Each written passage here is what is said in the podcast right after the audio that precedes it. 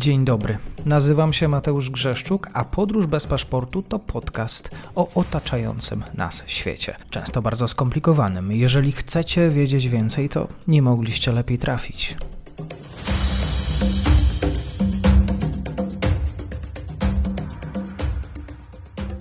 Partnerem odcinka jest Oanda, TMS Brokers, dom maklerski obecny na rynku już od ponad 20 lat. W opisie odcinka znajdziecie link do aplikacji, której możecie otworzyć konto maklerskie i grać na giełdzie, a wcześniej potrenować na koncie demonstracyjnym. Jeżeli otworzycie konto za pośrednictwem tego linku, dostaniecie na start książkę o tematyce inwestycyjnej. Zapraszam, Mateusz. Dzień dobry Państwu, dzień dobry wszystkim słuchaczom. Wielka przyjemność, bo dzisiaj ze mną jest Marcin Giełzak. Z Marcinem spotykaliśmy się zwykle, kiedy Marcin komentował politykę francuską. Dzisiaj będzie inaczej. Rozmawiamy również o książce. Za chwilę powiem, e, jaka to książka. Marcinie, kłaniam się.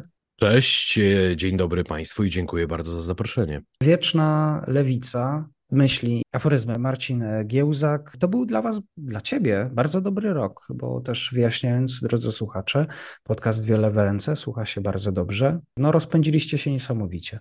Zgodzę się, że to był dla nas e, dobry rok i jest e, nadal. To znaczy, z jednej strony premiera książki, mhm. książki, na którą pracowałem naprawdę długo, ponieważ jak e, łatwo ustali każdy, kto weźmie ją do ręki. Ona jest produktem tak naprawdę lat robienia notatek, notowania swoich przemyśleń, rozważania kwestii związanych z lewicową e, polityką, e, ale mm, książka siłą rzeczy adresowana jest do ludzi, którzy znajdą czas na to, żeby usiąść w kąciku z, z tym dość cienkim, ale jednak tomiszczem i poświęcić mu trochę czasu, chociaż nie bez przyczyny wybrałem formę aforystyczną. Mam takie uczucie, że w czasach Twittera ona mhm. odzyskała świeżość. To, co niektórzy recenzenci nazywają moim, moją wyprawą w wiek XVIII albo zgoła XVII, kiedy aforyzmy były szczególnie popularne.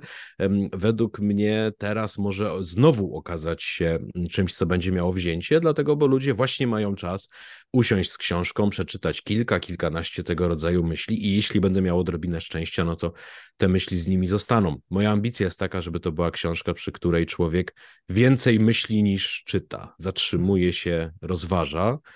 Natomiast e, tak na co dzień to staram się być lewicowym głosem w waszych domach poprzez podcast właśnie.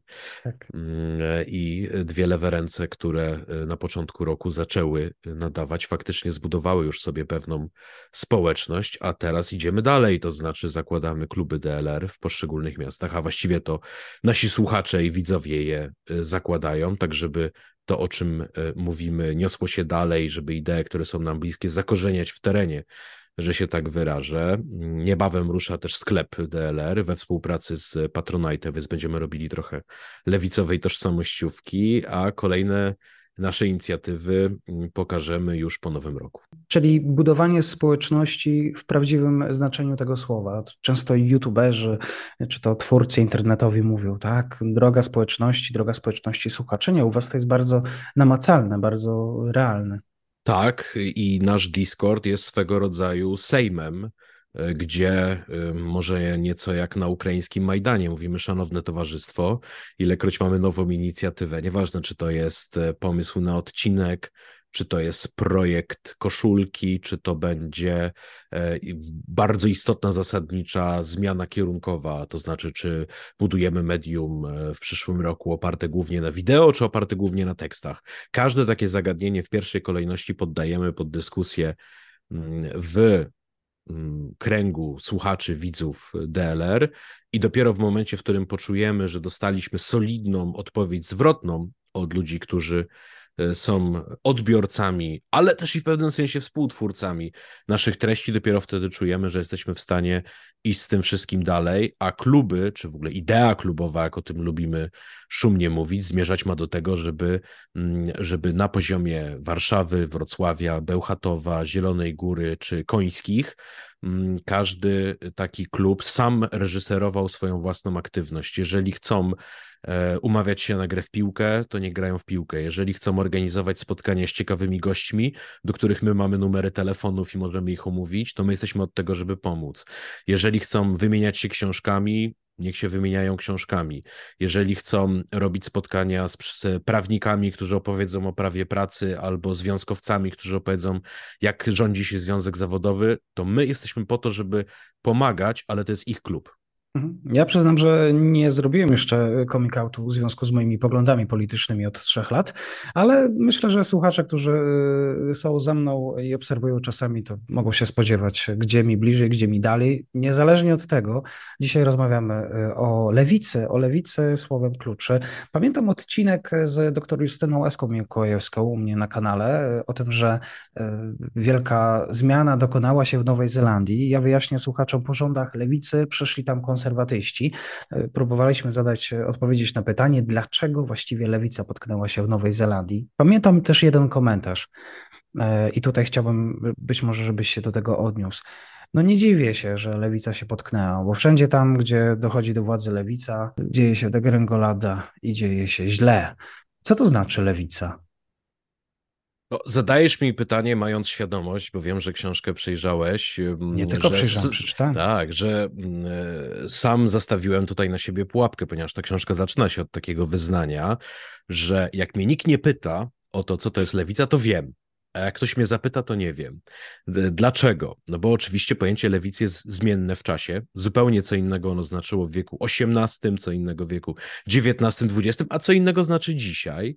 Jest zmienne w zależności od miejsca. Lewica w Szwecji, lewica w Tunezji, lewica w Argentynie to są kompletnie różne pojęcia. I wreszcie lewica jest hasłem tak bardzo pojemnym, że mieszczą się w nim nurty nie tylko że różne, ale wręcz przeciwstawne i wrogie sobie. No jest i socjalizm, socjaldemokracja, komunizm, anarchosyndykalizm, etc. A przecież socjaldemokracie bliżej jest do chrześcijańskiego demokraty czy liberalnego demokraty niż do komunisty. Mhm.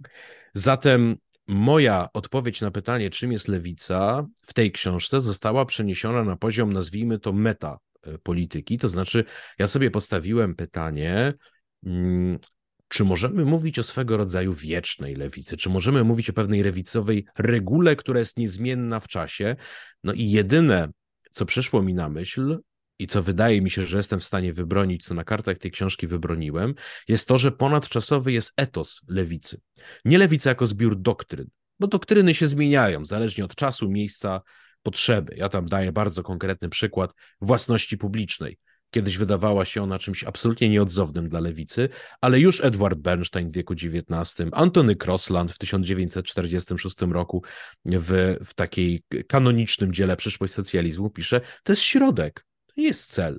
Czasami własność publiczna jest dobra, czasami jest zła, czasami jest neutralna z punktu mhm. widzenia naszych idei. A zatem doktryny są zmienne, tak. ale pewne wartości, pewien etos jest niezmienny. Etos lewicy nie jest jednolity, partie lewicowe, tak jak mówisz, rzeczywiście mogą różnić się w swoich priorytetach, podejściu do konkretnych kwestii, więc e, tak jak e, potwierdzam, termin lewica może mieć różne znaczenie w różnych krajach i kontekstach politycznych. Kiedy wspomniałeś o etosie lewicy, mi od razu właśnie mam z tyłu głowy sprawiedliwość społeczną, ochronę praw pracowniczych, e, tutaj interwencje państwa w gospodarkę, oczywiście prawa mniejszości, polityka społeczna, antywojenna, ochrona środowiska. Źle myślę, czy jak oceniasz te, te moje skojarzenia? Według mnie nie da się mówić o etosie lewicy, jeśli natychmiast się nie wymieni na pierwszych miejscach sprawiedliwości, równości, emancypacji, podmiotowości ludzi. Um, I kiedy wspomniałeś w, to w poprzednim pytaniu o tym, że no przecież to wiadomo, lewica dochodzi do władzy, dokończy się to degrengoladą, no to spróbujmy przyłożyć tą tezę do doświadczenia historycznego, zobaczyć jaka jest prawda historii. Czy jak lewica rządziła Szwecją 40 lat pod rząd, za czasów, kiedy premierami byli tacy ludzie jak Tage Erlander czy Ulof Palme, to czy możemy powiedzieć, że Szwecji działa się jakakolwiek degrengolada? No, stał się to nie tylko jeden z najbogatszych e, krajów na świecie, ale również jeden z krajów o największym poziomie równości i sprawiedliwości, który stwarza także swoim obywatelom ogromne szanse życiowe. To znaczy, Szwecja nie jest, nie była krajem skrajnej urawniłówki. Szwecja była krajem e, i jest krajem e, startupów, szans, wielkich możliwości. Właśnie dlatego, że u dołu rozpięta jest siatka bezpieczeństwa, w którą każdy może wpaść, jeżeli noga mu się powinie. Właśnie dlatego, że państwo chce wykorzystywać potencjał, realizować potencjał każdego swojego obywatela, a nie wyłącznie tych obywateli, którzy mieli szczęście urodzić się w zamożnej rodzinie, którzy na loterii urodzenia odebrali e, dobry los. Mm, a nie, a nie los, który sprawia, że głównie muszą maszerować e, pod górę. Mm, i to, że szwedzka socjaldemokracja e, jeszcze w latach e, międzywojennych realizowała ideę tego, co oni nazwali Volkshemmet, domu ludu, w oparciu o państwo narodowe, które ma silne instytucje, które ma własną walutę, która kontroluje swój budżet, granice, politykę społeczną i tak dalej, wykorzystuje państwo do tego, żeby e, tworzyć silne, solidarystyczne społeczeństwo i żeby to służebne państwo na każdym kroku zadawało sobie pytanie, co może zrobić, żeby urzeczywistnić zasady sprawiedliwości społecznej, jednocześnie zachowując bardzo wysoki poziom efektywności. No, możemy oczywiście mnożyć te przykłady. No, czy, czy mieliśmy do czynienia z degrengoladą w Niemczech, kiedy kanclerzem był Willy Brandt? E, albo Helmut Schmidt, czy mieliśmy do czynienia z degrengoladą we Francji, kiedy rządził François Mitterrand, czy mieliśmy do czynienia z degrengoladą w Anglii, kiedy rządził Clement Attlee, albo, co wiem, że dla wielu będzie kontrowersyjne, Tony Blair, którego ja uważam za za wybitnego premiera. E, jego premierostwo się nie zamyka w wojnie w Iraku. Miał też kolosalne sukcesy, jeśli chodzi o politykę gospodarczą, społeczną. Przecież to jest okres rządów, kiedy w Anglii przybywa 700 tysięcy miejsc pracy w czasie pierwszej kadencji, kiedy mamy najwyższe, historycznie, najwyższe w dziejach Wielkiej Brytanii nakłady na edukację, na służbę zdrowia, na policję, najkrótsze kolejki mm, do lekarza, najniższą śmiertelność na raka czy choroby serca, mm, kiedy mamy najniższe bezrobocie wśród młodych, naj, najniższą inflację od pięciu e, dekad, e, związki partnerskie, pierwszą ustawę klimatyczną i tak dalej.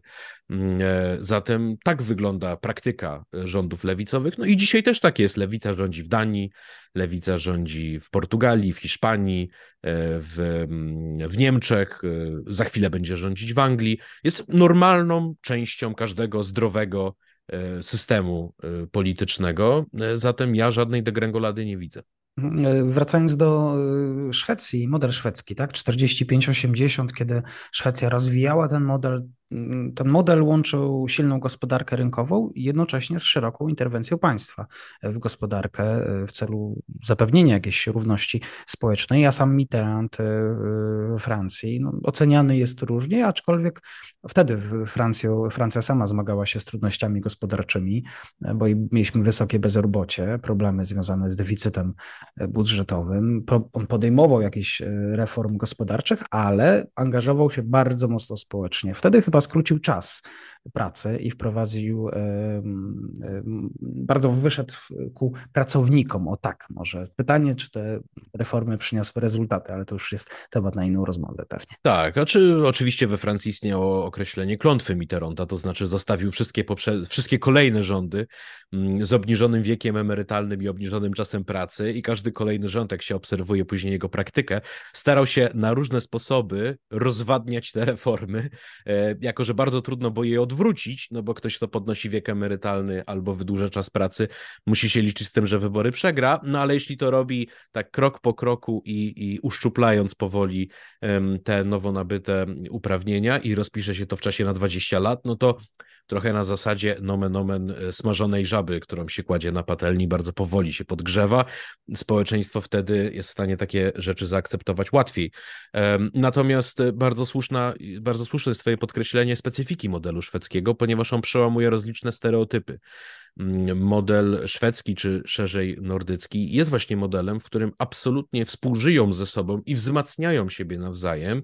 E, z jednej strony rozwiązania rynkowe i e, niechęć państwa do przeregulowania, do domiarów, przymiarów e, i mm, duże poczucie, że gospodarka trójsektorowa jest czymś, co stanowi pewien socjaldemokratyczny kanon. Obok własności państwowej musi być własność prywatna, a państwo nie powinno być zbyt lekkomyślne w nacjonalizowaniu tego, co lepiej będzie zarządzane, jeżeli jest prywatne, ale jednocześnie mamy bardzo dużo redystrybucji, mamy silne zainteresowanie się państwa takimi domenami jak służba zdrowia, e, edukacja e, czy, czy mieszkalnictwo i mówi się czasami o tym w kategoriach wolnorynkowej gospodarki pożenionej z państwem dobrobytu. Był kiedyś taki znakomity raport, który napisał amerykański Niskanen Center i powiedział, że jest to formuła, która w każdym kraju, który który go wprowadził, się sprawdziła, mm, a mimo to został wprowadzony w relatywnie niewielkiej ilości krajów.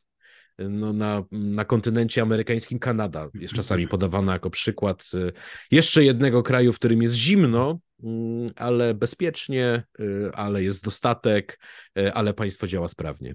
Bardzo spodobał mi się jeden, e, znaczy oczywiście jeden, jeden z wielu cytatów, aczkolwiek go sobie gdzieś tam wryłem e, w szczególności w głowę, w myśl również e, w naszej rozmowy dzisiejszej, gdzie będziemy rozmawiać o tym, jak sobie radzi lewica na poszczególnych kontynentach i nie tylko.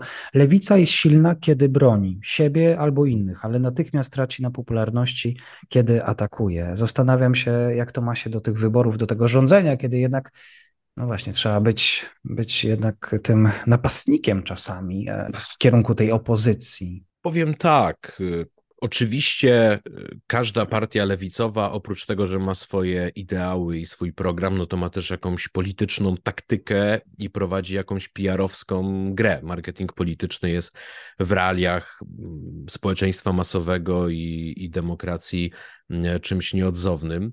E, natomiast e, ja prowadząc te rozważania, czy formułując ten myśl, mm, opierałem się na tym, czego ja bardzo często doświadczam, kiedy spotykam się z ludźmi, którzy chcą rozmawiać na temat lewicy, czy to na spotkaniach wokół naszego podcastu. Ostatnio się często spotykam ze studentami, z kołami naukowymi, z korporacjami akademickimi. E, pamiętam czasy, kiedy byłem e, w związku zawodowym i bardzo często to, co się słyszało od ludzi e, z, nazwijmy to, klasy ludowej, było doskonałym przeciwieństwem tego, co można usłyszeć od ludzi, którzy mieszkają w owych cytadelach e, cnoty i postępu na strzeżonych osiedlach w Warszawie i są zatrudnieni na uczelniach wyższych.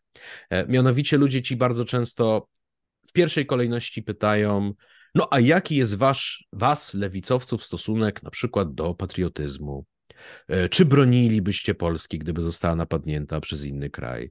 Albo pytają, jaki jest e, wasz stosunek do grup, które mają w Polsce najgorzej, ale jako przykład tych podają emerytów, rencistów, e, niepełnosprawnych, a zatem te grupy, o których mówi się mniej chętnie.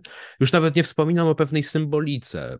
Kojarzę taką okazję, przy której Podobno partii razem z którychś badań wyszło, że ludzie z klasy ludowej oczekują, że jej politycy e, będą nosić marynarki mm, i krawaty, ponieważ o ile e, w Warszawie to uchodzi za coś passe i że generalnie t-shirt, trampki, luz, to jest to, czego potrzeba, to jak się jedzie na prowincję, to ludzie mówią, nie, dla nas fakt, że człowiek ma marynarkę, ma krawat, to jest oznaka szacunku wobec nas pewien konserwatyzm formy, ale on jednocześnie, i to chociażby wychodziło pięknie z badań, które swego czasu prowadził wtedy socjolog Maciej Gdula, dzisiaj już polityk Maciej Gdula, mianowicie, że ten konserwatyzm formy absolutnie się nie wyklucza z pewnym radykalizmem postulatów społeczno-gospodarczych i że, że polska klasa ludowa na przykład zaskakuje.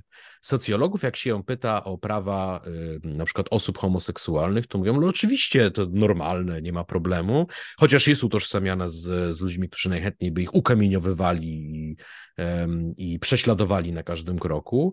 E, podobnie zresztą jest, chodzi o politykę y, migracyjną, to znaczy jest zachowawczość, która jest motywowana ekonomicznie.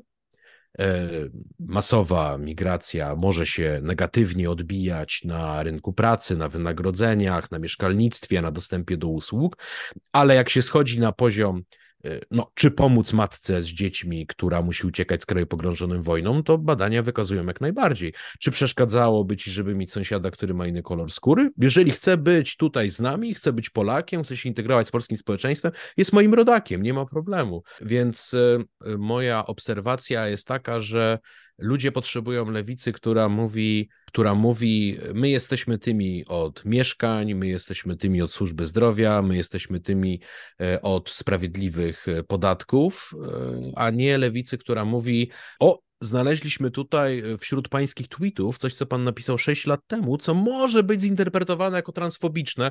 W związku z powyższym nasz kapturowy trybunał skazuje pana na śmierć cywilną. Znaczy z, z taką lewicą generalnie ludzie nie bardzo chcą mieć do czynienia, bo nie czują, że ona cokolwiek w ich życiach zmienia, a jak zmienia to na gorsze. Czyli jesteście remedium, jesteście lekiem na całe zło lewicy.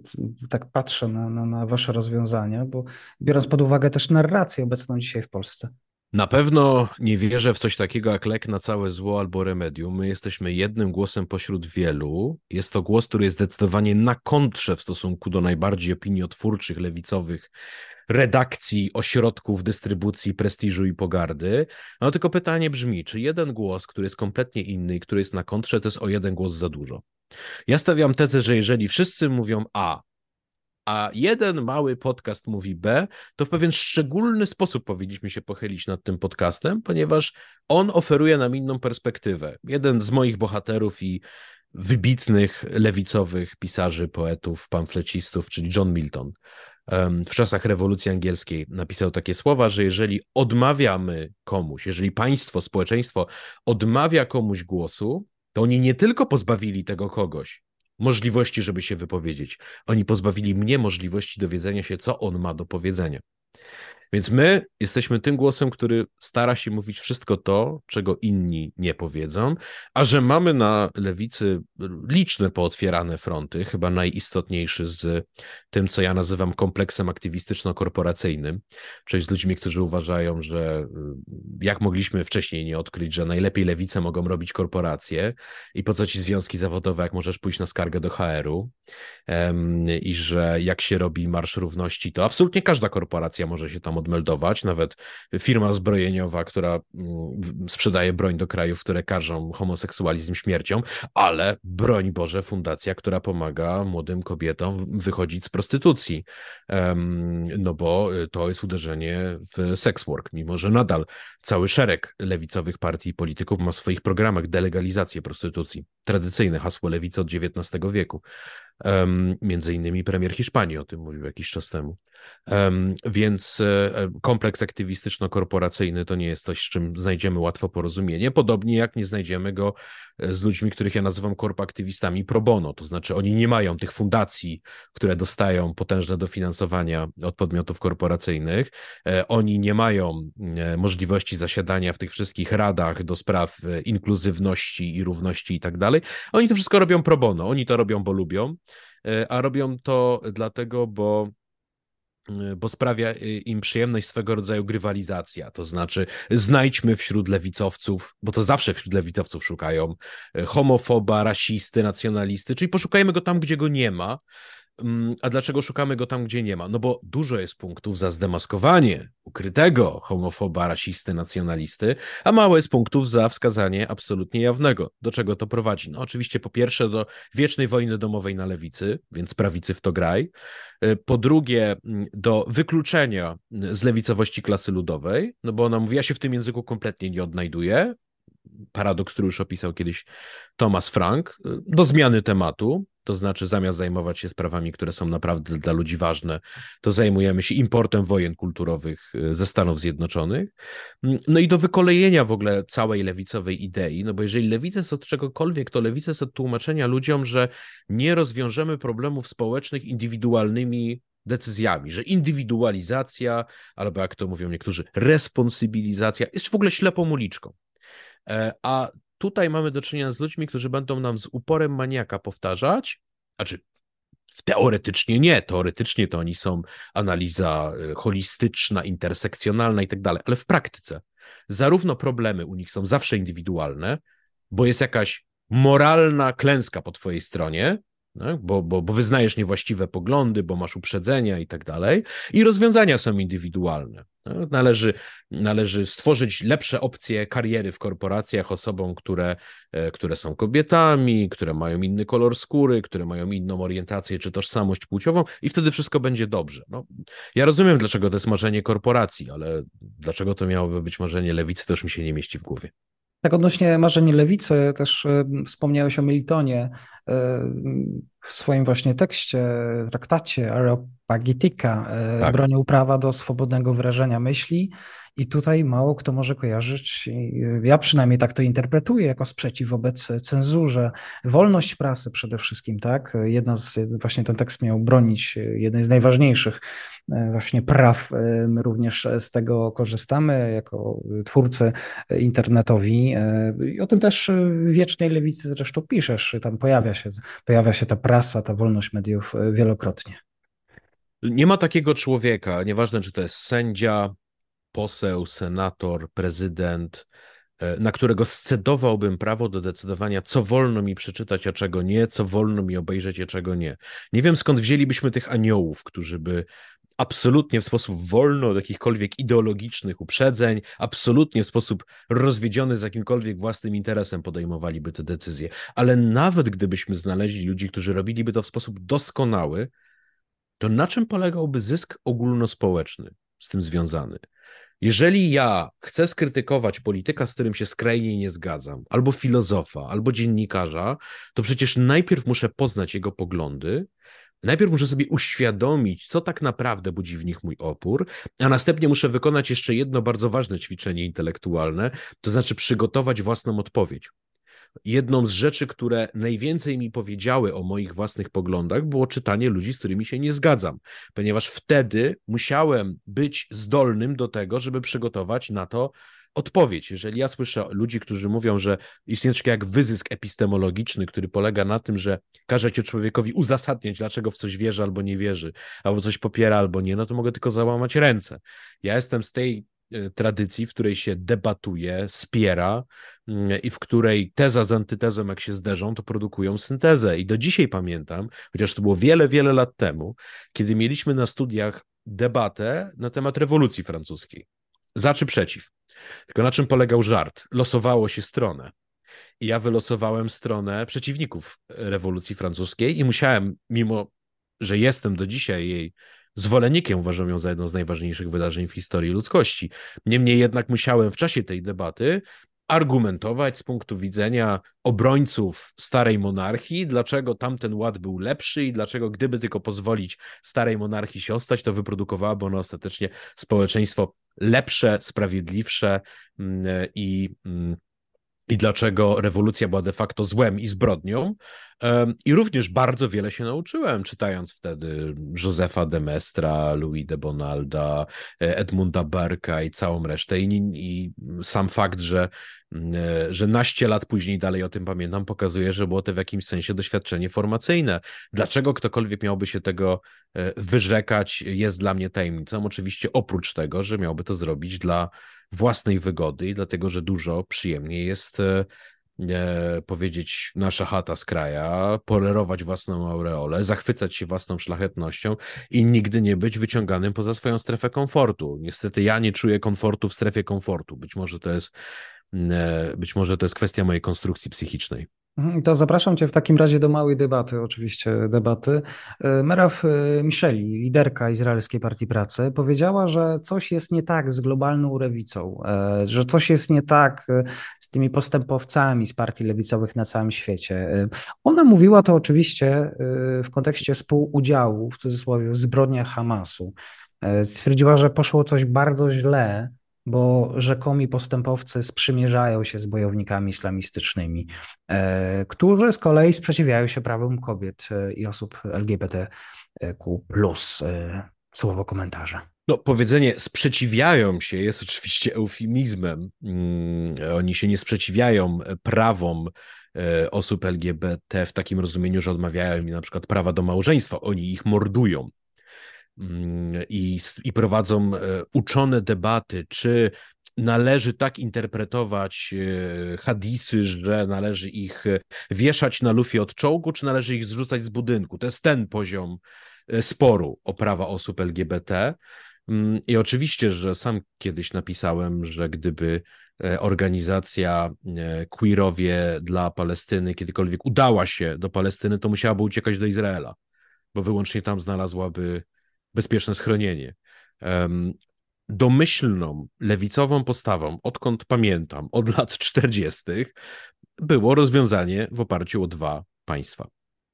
Tak mówiły zawsze partie socjaldemokratyczne, to znaczy mm, wierne swojemu dawnemu etosowi, jeszcze etosowi pierwszej międzynarodówki, która przypomnę, nie zgadzała się co do niczego, ale zgadzała się co do jednego, że musi powstać niepodległe państwo polskie i to sprawiło, że w ogóle pierwsza międzynarodówka się zebrała, bo to hasło było bliskie wszystkim, mimo pewnych oporów zrozumiałych socjaldemokracji niemieckiej, która nie miała zamiaru, chętnie by oddała rosyjski zabór na użytek państwa polskiego, ale już nie swój. Mm, ale to wziąwszy w nawias, y, było zawsze lewicowym przekonaniem, że należy stanąć po stronie ofiary, stanąć po stronie słabszego. Lewica popierała prawo Irlandczyków do posiadania własnego państwa, prawa Kurdów, prawa wszystkich tego rodzaju mniejszości. Nie jest zresztą przypadkiem, że ruchy narodowe, szkocki, kataloński, kurdyjski są ruchami lewicowymi. Analogicznie w Polsce, prawda? Partią, która jako jedyna w najczarniejszych czasach po upadku powstania e, styczniowego, aż po, aż po rok 1914, która miała niepodległość bez kompromisów na sztandarze, była Polska Partia Socjalistyczna. E, zatem jest zupełnie naturalnym, że lewica mówi: niechaj Izraelczycy mają własne państwo, niechaj Palestyńczycy mają drugie własne państwo, a cała reszta problemów jest już techniczna, na przykład status Jerozolimy. Trzeba tu poszukać kompromisów, trzeba spojrzeć w kierunku um, na przykład Irlandii Północnej, gdzie tego typu sprawy notabene lewicowy rząd e, potrafił wynegocjować. Problemem oczywiście w przypadku e, Ziemi Świętej jest to, że partie Boga po obydwu stronach mają prawo weta w tym procesie pokojowym. Partie, które uważają, że e, stwórca wszechświata zajmuje się obrotem nieruchomościami i podejmuje decyzję w sprawie tego, komu jaki kawałek ziemi ma przypaść. To jest przyczyna, dla której ten problem się zapętla i staje się nierozwiązywalny. Mm, e, zatem rozwiązanie w oparciu o dwa państwa byłoby optymalne, a drugie rozwiązanie y, suboptymalne, ale nadal dobre, to byłoby państwo e, w Palestynie, e, które nie byłoby już państwem żydowskim, które byłoby państwem stanowiącym własność wszystkich jego obywateli, bez względu na to, czy są Żydami, Palestyńczykami, e, czy są wyznania mojżeszowego czy muzułmańskiego. Takie rozwiązanie również odpowiadałoby jakiemuś lewicowemu etosowi. Inaczej rozumianemu niż to pierwsze, ale nie miałbym e, słowa krytyki względem człowieka, który głosiłby hasło e, porozumienia ponad podziałami pomiędzy, pomiędzy Izraelczykami i Palestyńczykami. Mhm. Niestety e, bardzo głośna stała się lewica, która proponuje trzecie rozwiązanie, to znaczy od jeziora aż, od rzeki aż po morze, od Jordanu aż po Morze Śródziemne. Palestyna ma być wolna, czyli jak rozumiem, zgodnie z kartą E, Hamasu i innych organizacji islamistycznych, które działają, wolna od Żydów. Ma być Judenrein, a w sposób oczywisty Izrael nie podpisze się pod rozwiązaniem, które będzie oznaczało eksterminację wszystkich Żydów na terenie, e, na terenie Palestyny czy na terenie Izraela. E, zatem związanie się z ruchami skrajnie reakcyjnymi i nie boję się tego słowa faszystowskimi, E, takimi jak Hamas. Hamas to jest faszyzm z, z islamską twarzą. Jest kompromitujące dla każdego, kto chce się podawać za lewicowca. Lewica powinna raczej patrzeć w stronę świeckiego i lewicowego oporu względem izraelskiej okupacji, którą, który dawniej wyrażał sobą e, Al-Fatah. No ale jest już problemem Fatahu, że nie jest w stanie potępić Hamasu. Jeden z bardzo ważnych wątków postrzegania sytuacji w Izraelu jest to, nie to za kim, ale co deklarowała w tym czasie Ameryka Łacińska. Tutaj myślę, że dla tych, którzy obserwują politykę krajów właśnie z, z krajów Ameryki Łacińskiej, nie jest to zaskoczeniem, bo my mamy Petro w Kolumbii, mamy Lule w Brazylii, y, Borik w Chile. Y, I chciałem Cię zapytać właśnie o lewicę, właśnie w niektórych krajach, takich jak Boliwia, Wenezuela, Ekwador. Jak mają się tam lewicowi liderzy? Jaką dzisiaj odgrywają tam rolę w polityce? No muszę zacząć od powiedzenia czegoś, o czym też wspominam w książce, to znaczy jest taka postawa, która budzi moją skrajną niechęć, taki tiermondyzm. Mm, tiermondyzm to jest e, postawa nakazująca e, gloryfikować, romantyzować, egzotycyzować wszystko to, co się dzieje w trzecim świecie. To e, emblematyczną postacią dla takiego zachowania będzie profesor, który siedzi sobie na uczelni w Londynie, Paryżu albo Nowym Jorku i który mówi: No, ja co prawda tutaj żyję w tym zgniłym, kapitalistycznym, zepsutym świecie i nigdzie się z niego nie ruszam i świetnie się czuję ze swoim dobrym wynagrodzeniem i swoim, na swoim strzeżonym osiedlu, ale moje serce jest z robotnikami w Wenezueli. Oczywiście tam jest prawdziwa lewica i tam jest raj na ziemi. No, to jest oczywiście bzdura, to znaczy ja jestem jednoznacznym przeciwnikiem wszystkich niedemokratycznych, zamordystycznych reżimów. Byłem zawsze wrogiem takich ludzi jak Fidel Castro i jego e, dziedzice. Uważam, że każda szanująca się lewica e, powinna e, rzucić hasło demokratyzacji państw, w których demokracji nie ma. Nie ma, nie ma lewicy bez demokracji. Mm, lewica zdradza samą siebie, jeżeli porzuca sprawę e, demokracji i zresztą e, wspaniale to zobrazował jeden z moich ulubionych pisarzy, Christopher Hitchens, kiedy się udał na Kubę, przyłączyć się do tamtejszych robotników, ścinać trzcinę cukrową i tak dalej. I podczas, podczas rozmowy z aktywistami tamtejszej partii komunistycznej miał skrytykować Fidela Castro. No i prowadzący obrady powiedział, że tu jest wolność słowa, ale z jednym warunkiem nie wolno krytykować Fidela. No i w tym momencie Hitchens powiedział, no to niniejszym uznaje, że kubański eksperyment się nie udał. No jeśli, jeśli il duce a siempre ragione, jeśli wódz ma zawsze rację, to ma być lewicowe hasło, no to ja się wymeldowuję na tym etapie i Nicolas Maduro, to są dziedzice mm, takiego południowoamerykańskiego kaudiizmu um, i, i zresztą mój nekrolog Fidela Castro nosił tytuł Faszyzm z ludzką twarzą.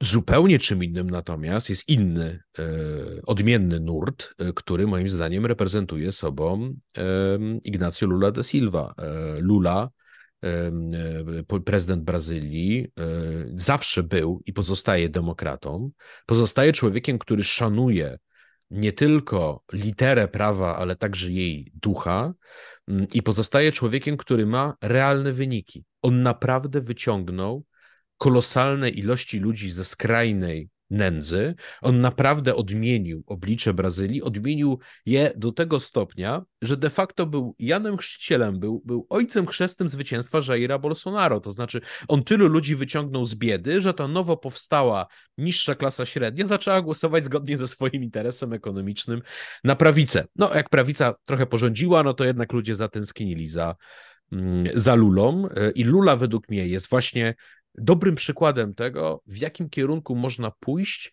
aby pokazać, że lewicowe rządy mogą się sprawdzać w praktyce, a nie tylko na papierze, i że one się nie zużywają, e, mieląc slogany, tylko posiadają realną zdolność rządzenia, że socjaldemokracja jest swego rodzaju rzemiosłem.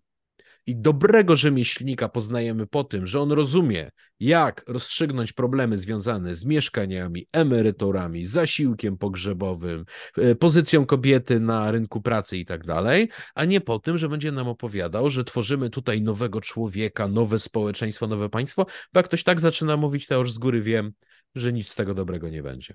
Mhm. Bardzo ciekawi mnie też kwestia y, lewicy, postrzegania lewicy przez siebie w krajach Azji. W Indiach mamy oczywiście partie y, lewicowe, mamy komunistyczną partię Indii, mówi się marksistowską nawet, niektórzy podają takie, takie hasła. Y, lewica odgrywa ważną rolę w polityce w, stanów takich jak Kerala czy Bengal Zachodni. Mamy Chiny, tutaj oczywiście moglibyśmy bardzo długo dyskutować. Japonia, Partia Demokratyczna, która jest partią opozycyjną, Korea Południowa, czyli Partia Demokratyczna Korei, Indonezja, mógłbym mówić dalej, dalej. Czy, czy myślisz, że termin prawica i le, lewica w jakiś sposób ma odzwierciedlenie, ma jakąś rację bytu właśnie w krajach Azji Południowo-Wschodniej czy samej właśnie Azji? Myślę, że ma, dlatego, bo pewne wartości lewicowe są uniwersalne, natomiast e, recepcja zawsze się odbywa na warunkach e, recypującego, a nie na warunkach e, twórcy danej idei. Mm, I Moja wiedza na temat e, polityki w krajach e, Dalekiego Wschodu jest bardzo ograniczona, więc nie będę tutaj w stanie powiedzieć niczego szczególnie przenikliwego, jeżeli chodzi o lewicę koreańską czy japońską, no ale chociażby przychodzi mi na myśl, mm, że e, był takim japoński myśliciel polityczny jak Iki Kita, który stworzył doktrynę prawicowego socjalizmu. Mm, inspirując się e, takimi politykami jak Ferdinand Lassalle w Niemczech i który utrzymywał, że jednym w ogóle z fundamentów mm, socjalizmu w Japonii musi być przywiązanie do osoby cesarza.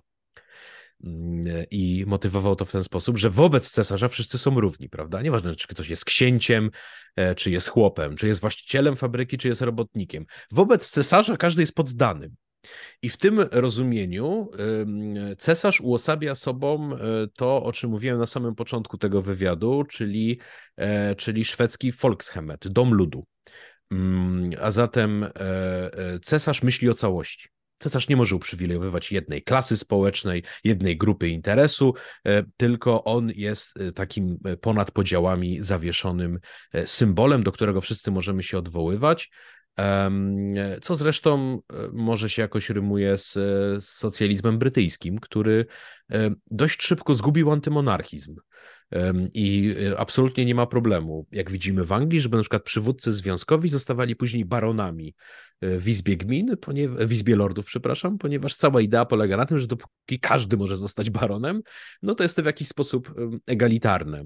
E, zresztą ciekawostka, tak powstał Order Imperium Brytyjskiego, który nie ma rycerzy, kawalerów i komandorów, tylko który ma towarzyszy jest się towarzyszem Orderu Imperium Brytyjskiego, ponieważ w dawnej Anglii miano obawę, że lejburzyści nie będą chcieli przyjmować orderów, które wiążą się z tytułem szlacheckim. Jak widać, e, na próżno się martwiono. Obecnie mhm. Sir Keir Starmer jest przywódcą Partii Pracy. Mówię, że nie orientujesz się y, w kwestiach azjatyckich, aczkolwiek tutaj mógłbym się nie zgodzić.